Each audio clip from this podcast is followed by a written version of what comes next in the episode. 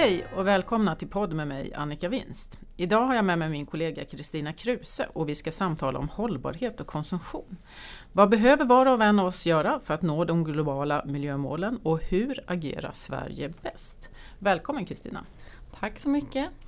Jag tror inte vi kan hitta ett hetare ämne och eh, jag har noterat att eh, från att det bara var AI när man skulle göra seminarier så kan jag inte stå på ett enda seminarium idag utan att det finns hållbarhet med på agendan. Och jag tror nog vi behöver ha fokus både på AI och på hållbarhet men det är ju bra att vi har ökat trycket. För vi behöver vidta åtgärder för att nå eh, hållbarhetsmålen och Agenda 2030. Och Eh, personligen tycker jag själv det var glädjande att se att det faktiskt blev eh, reaktioner på det här EU-valet. Att vi fick en, ett grönt röstande i många länder. Men det är ju onekligen komplexa frågor och eh, om vi ska klara det så gäller det att tänka klokt och rätt. Och för det behöver vi kunskap och det har du. Du har ägnat tid åt att studera svensk privatkonsumtion och hur våra utsläpp ser ut och behöver förändras för att nå målen. För att, och för det har du använt miljöräkenskaperna.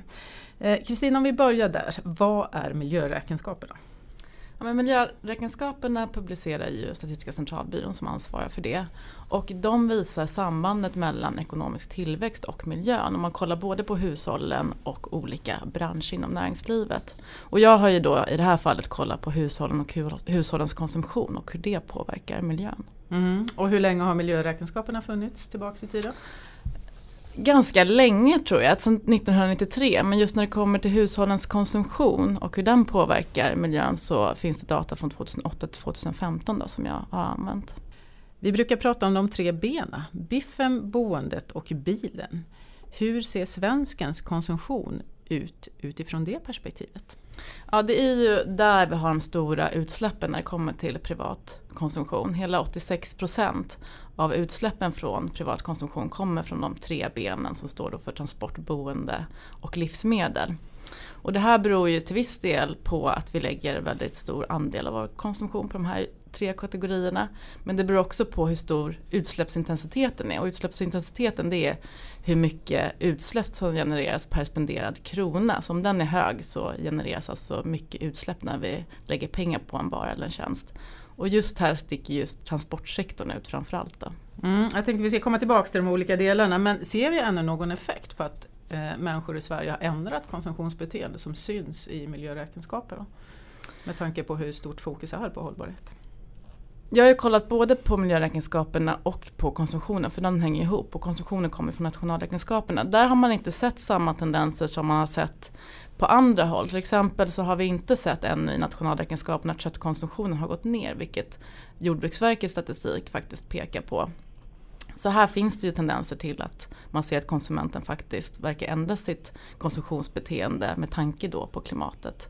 Och även när det kommer till flyget så pratas det mycket om att man har sett en minskning där framförallt förra året, 2018. Mm. Eh, vi, du nämnde tidigare att man mäter utsläppen i ekvivalenter och det har olika intensitet. Kan du förklara det lite mer tydligt? Va, va, hur mycket släpper privat konsumtion ut till exempel? Ja, privat konsumtion, där släpper vi ut 67 miljoner ton koldioxidekvivalenter enligt våra beräkningar 2018. Ekvivalenter, det är så man mäter det? Ja precis, det är för koldioxid, man, det handlar om växthusgaser och olika växthusgaser har olika typer av miljöpåverkan och då brukar man räkna det i koldioxidekvivalenter som motsvarar då vilken påverkan det får om det skulle släppas ut i koldioxid. Lite enkelt mm. förklarat. Mm. Och utsläppsintensitet som jag nämnde då så, så, visar det hur mycket utsläpp som, som genereras per spenderad krona. Om vi tar till exempel fordonsbränslet så vet vi att en spenderad krona genererar 330 gram koldioxidekvivalenter i utsläpp. Och det kan då jämföras med snittet för alla varor och tjänster som ligger på 37 gram. Så det är nästan 10 gånger så mycket. Mm. Ja, det gäller att välja och ha fokus på rätt, rätt saker. Ja. Men om vi tar svenska konsumenter då kan man ju dela upp det vad vi, vad vi eh, släpper ut både i Sverige men vi konsumerar ju också eh, mycket som har påverkan globalt. Hur ska man tänka här? Ja precis. För om man jämför till exempel med de nationella utsläppen som våra klimatmål är, är knutna till så släpper faktiskt privat konsumtion ut ännu mer koldioxid. 67 miljoner ton som jag nämnde då jämfört med 53 miljoner ton på nationell nivå. Och det beror ju på att en stor del av de här varorna och tjänsterna som vi konsumerar de produceras utomlands. Så hela 60 procent av det som vi konsumerar här i Sverige får miljöpåverkan utomlands och det är framförallt Kina, Tyskland och eh, Ryssland som utsläppen genereras i. Mm. Och vad kan man då göra som konsument? Eh, vi lever ju med hög levnadsstandard. Eh, det är bilen förstås men vi köper också mycket kläder. Och hur bör man resonera? Ja, det man bör titta på rent krasst det är väl det här med utsläppsintensitet faktiskt hur mycket som genereras per spenderad krona och i dagsläget är det framförallt transporten som är den stora boven i dramat och här ser vi att man förmodligen kommer göra väldigt mycket. Ett av våra mest ambitiösa klimatmål är knutna till transportsektorn. Man säger att koldioxidutsläppen ska minska med 70% fram till 2030. Så där kan man i dagsläget göra så att man minskar sitt bilåkande. Flyget släpper också ut väldigt mycket. Utsläppsintensiteten där ligger på 185 gram koldioxid per spenderad krona att jämföra då med de här 37 grammen som var snitten. Men det som man ser en tendens till när man kollar på, på hur hushållen väljer att motivera sitt konsumtionsbeteende det är ju då att man kanske säger att ja, men jag äter inte så mycket kött, jag köper inte så mycket kläder och då kan det motiveras med en flygresa. Men det här blir ju lite konstigt resonemang att föra då när man inte ser då på de faktiska utsläppen som genereras på grund av sin konsumtion. Hur, hur mycket tungt det väger, utsläppen tänker du på? Ja exakt. Mm, ja. Nej, och eh, nu börjar man ju prata om att man ska lägga skatt även på flyget och eh, det betyder kanske att man trycker till hushållen då, att du, du kommer att tvingas att ändra ditt beteende i framtiden. Och eh, rent krasst är det ju faktiskt bara några decennier som vi har flugit som vi gör i, idag. Ja absolut, flygresandet har ökat markant. Jag tror att det är en fördubbling de senaste 15 åren och det beror ju på att det är så billigt att flyga. Vi betalar egentligen ingenting för de utsläpp som genereras när det kommer till flygandet. Nej. Och, mm. Ja, förlåt. Nej, där skulle, skulle man betala för sitt flygande på samma sätt som man ser då, som man gör när man åker i bil så skulle ju flygresorna kosta betydligt mer. Jag hörde siffror igår på att flygbiljetterna skulle två eller tredubbla som det faktiskt var så att vi betalade för koldioxidutsläppen. Mm. Och då kommer man behöva tänka till en eller två gånger till om man ska göra de eh, resor som många människor, svenskar gör i, i, idag. Eh, men du har ju räknat på ett par olika scenarier för att eh, titta lite grann på vad behöver var och en av oss göra för att nå de här globala hållbarhetsmålen. Vad är det som krävs? Och, eh, du har gjort ett basscenario och så har du gjort ett extremscenario. Kan du berätta? Mm. Vad betyder basscenario till exempel om vi börjar med det? Ja, men I basscenariot där tittade jag på i båda fallen kollade jag på hur konsumtionen skulle påverka utsläppen då på lite längre sikt. Men i det första scenariot så tog jag, gjorde jag antaganden som var lite svagare då kan man säga. Som kanske kan anses vara lite mer realistiska men ändå ganska, ganska drastiska. Eh, till exempel så antog jag att man minskade sin klädkonsumtion med 50%, man minskade bilåkandet med 35% och minskade flygåkandet med 50%. Så det här är kanske ändå hyfsat realistiska eh, konsumtionsförändringar som vi kan göra.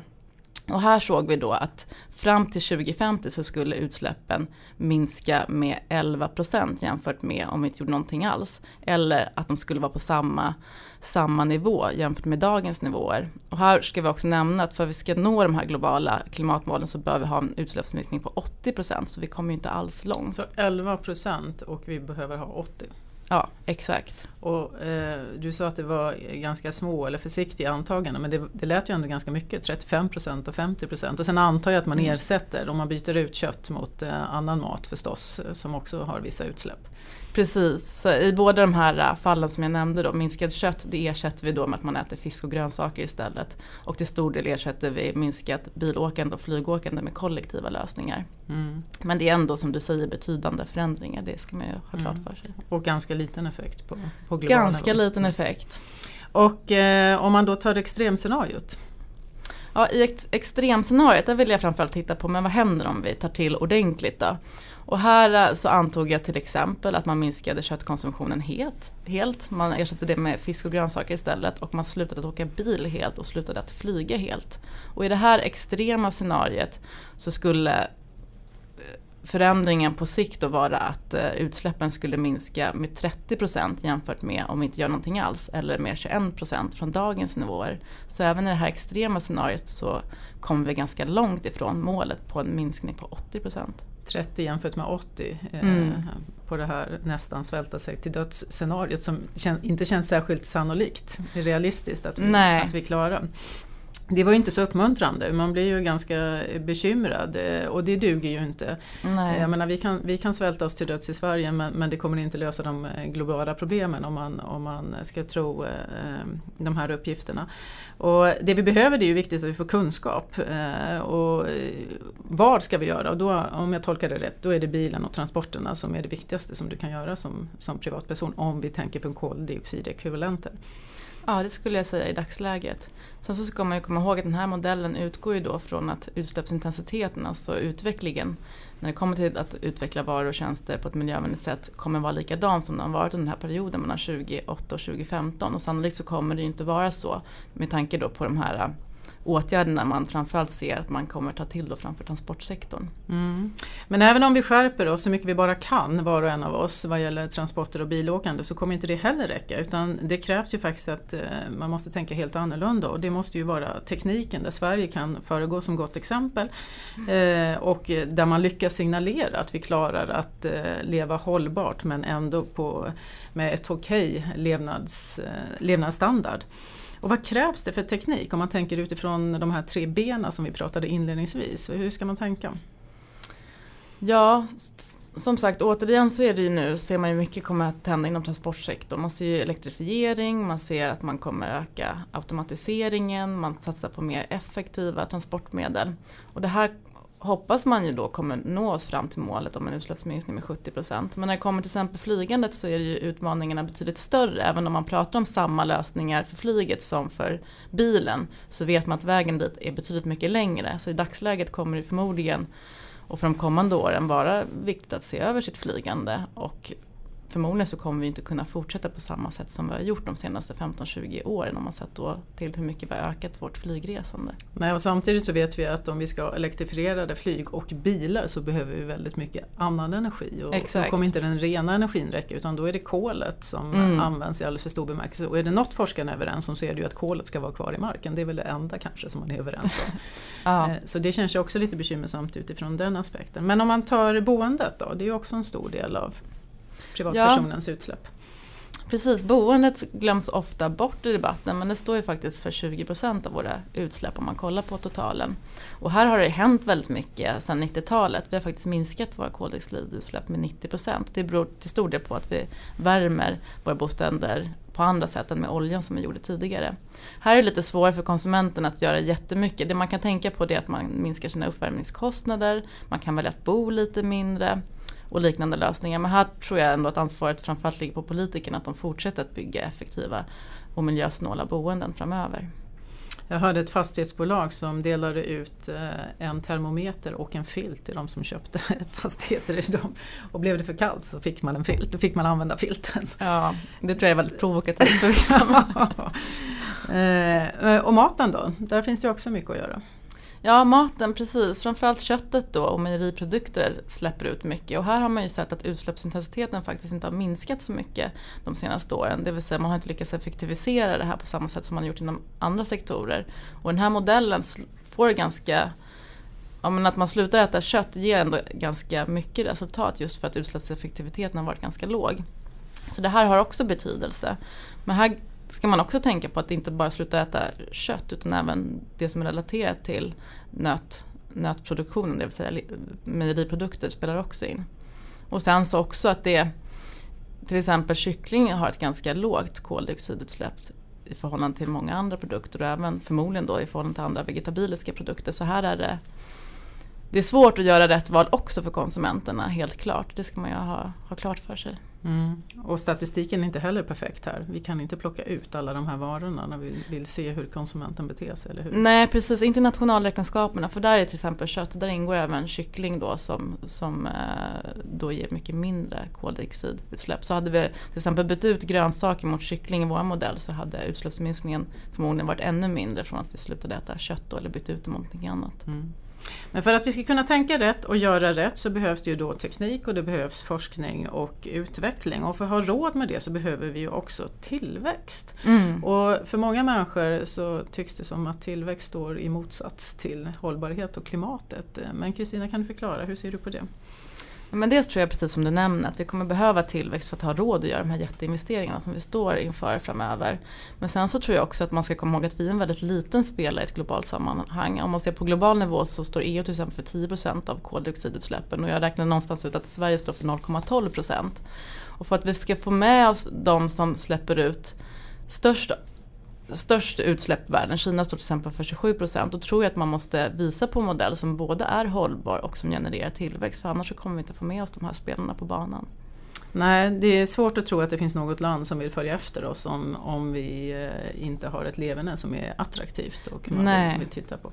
Eh, jag har gjort några eh, reflektioner själv där jag upplever att det är ganska mycket tyckande och känslor och skambeläggande i de här diskussionerna. Och det finns vissa som tycks tro att de har patent vad som är rätt tänkande utifrån det här. Och när jag skriver om det här så händer det ganska ofta att man får till, eller jag får tillrättavisande mejl eh, för att min mall inte riktigt passar in. Och, och, det här gör mig lite orolig för att om vi inte kan prata om det här utifrån ett faktabaserat sätt utan det är tyckande och känslor och vi ser ju också att politikerna fattar beslut utifrån det perspektivet, eh, då finns det ju en risk att vi faktiskt går snett. Och det, mm. vi har ju inte hur mycket tid som helst utan det är ganska bråttom att man gör kloka, kloka beslut. Och jag minns också hur det var innan finanskrisen 2008. Det var ganska många som frågade om grön BNP och sen dog den frågan helt trots att Sverige klarade sig mycket bättre än många andra länder. Så det är viktigt att reflektera över eh, vad är fakta och eh, var ska vi lägga eh, fokuset? Mm. Och jag upplever också att ekonomerna har haft en ganska undanskymd roll, undanskymd roll och eh,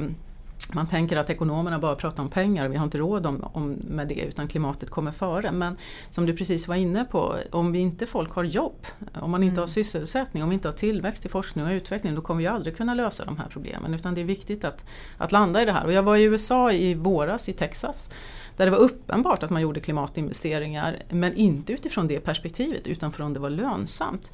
Och min första reflektion var att det var märkligt men ju mer jag tänkt på det så att, tror jag faktiskt att vi måste resonera som så att är det inte också ekonomiskt eh, bra investeringar så är det väldigt svårt att få någon hastighet i det här och, och det, det behöver vi ju. Och vi har ju då förstås var och en av oss stort ansvar att välja rätt men framförallt har ju Sverige, Sverige som med regering, universitet, forskning, utveckling, företagen eh, en jättestor roll att bli en role model, eh, mm. att föregå med, med gott exempel. Och, Eh, Eh, vi, ska, vi ska nog inte sluta varken flyga eller konsumera men vi ska göra det på ett hållbart sätt som jag ser det. Och här behöver vi mycket mer fakta och eh, den här eh, analysen som du har gjort den kommer du skriva om och också skicka ut. Det finns en del spännande grafer så det får ni som lyssnar se fram emot och klicka upp om ni vill. Jag vet inte Kristina om det är något som du vill tillägga som vi har missat? Inte som jag kan komma på sådär spontant. Jag tyckte att du sammanfattade det väldigt bra här. Mm. Så eh, skärpning vad gäller bilen och transporterna och sen på politiker eh, och akademiker att ligga i spetsen för att Sverige kan bli en role model för resten av världen så att vi snabbt kan få en förändring och klara såväl klimat som hållbarhet. Mm. Tack för att ni har lyssnat. Tack så mycket.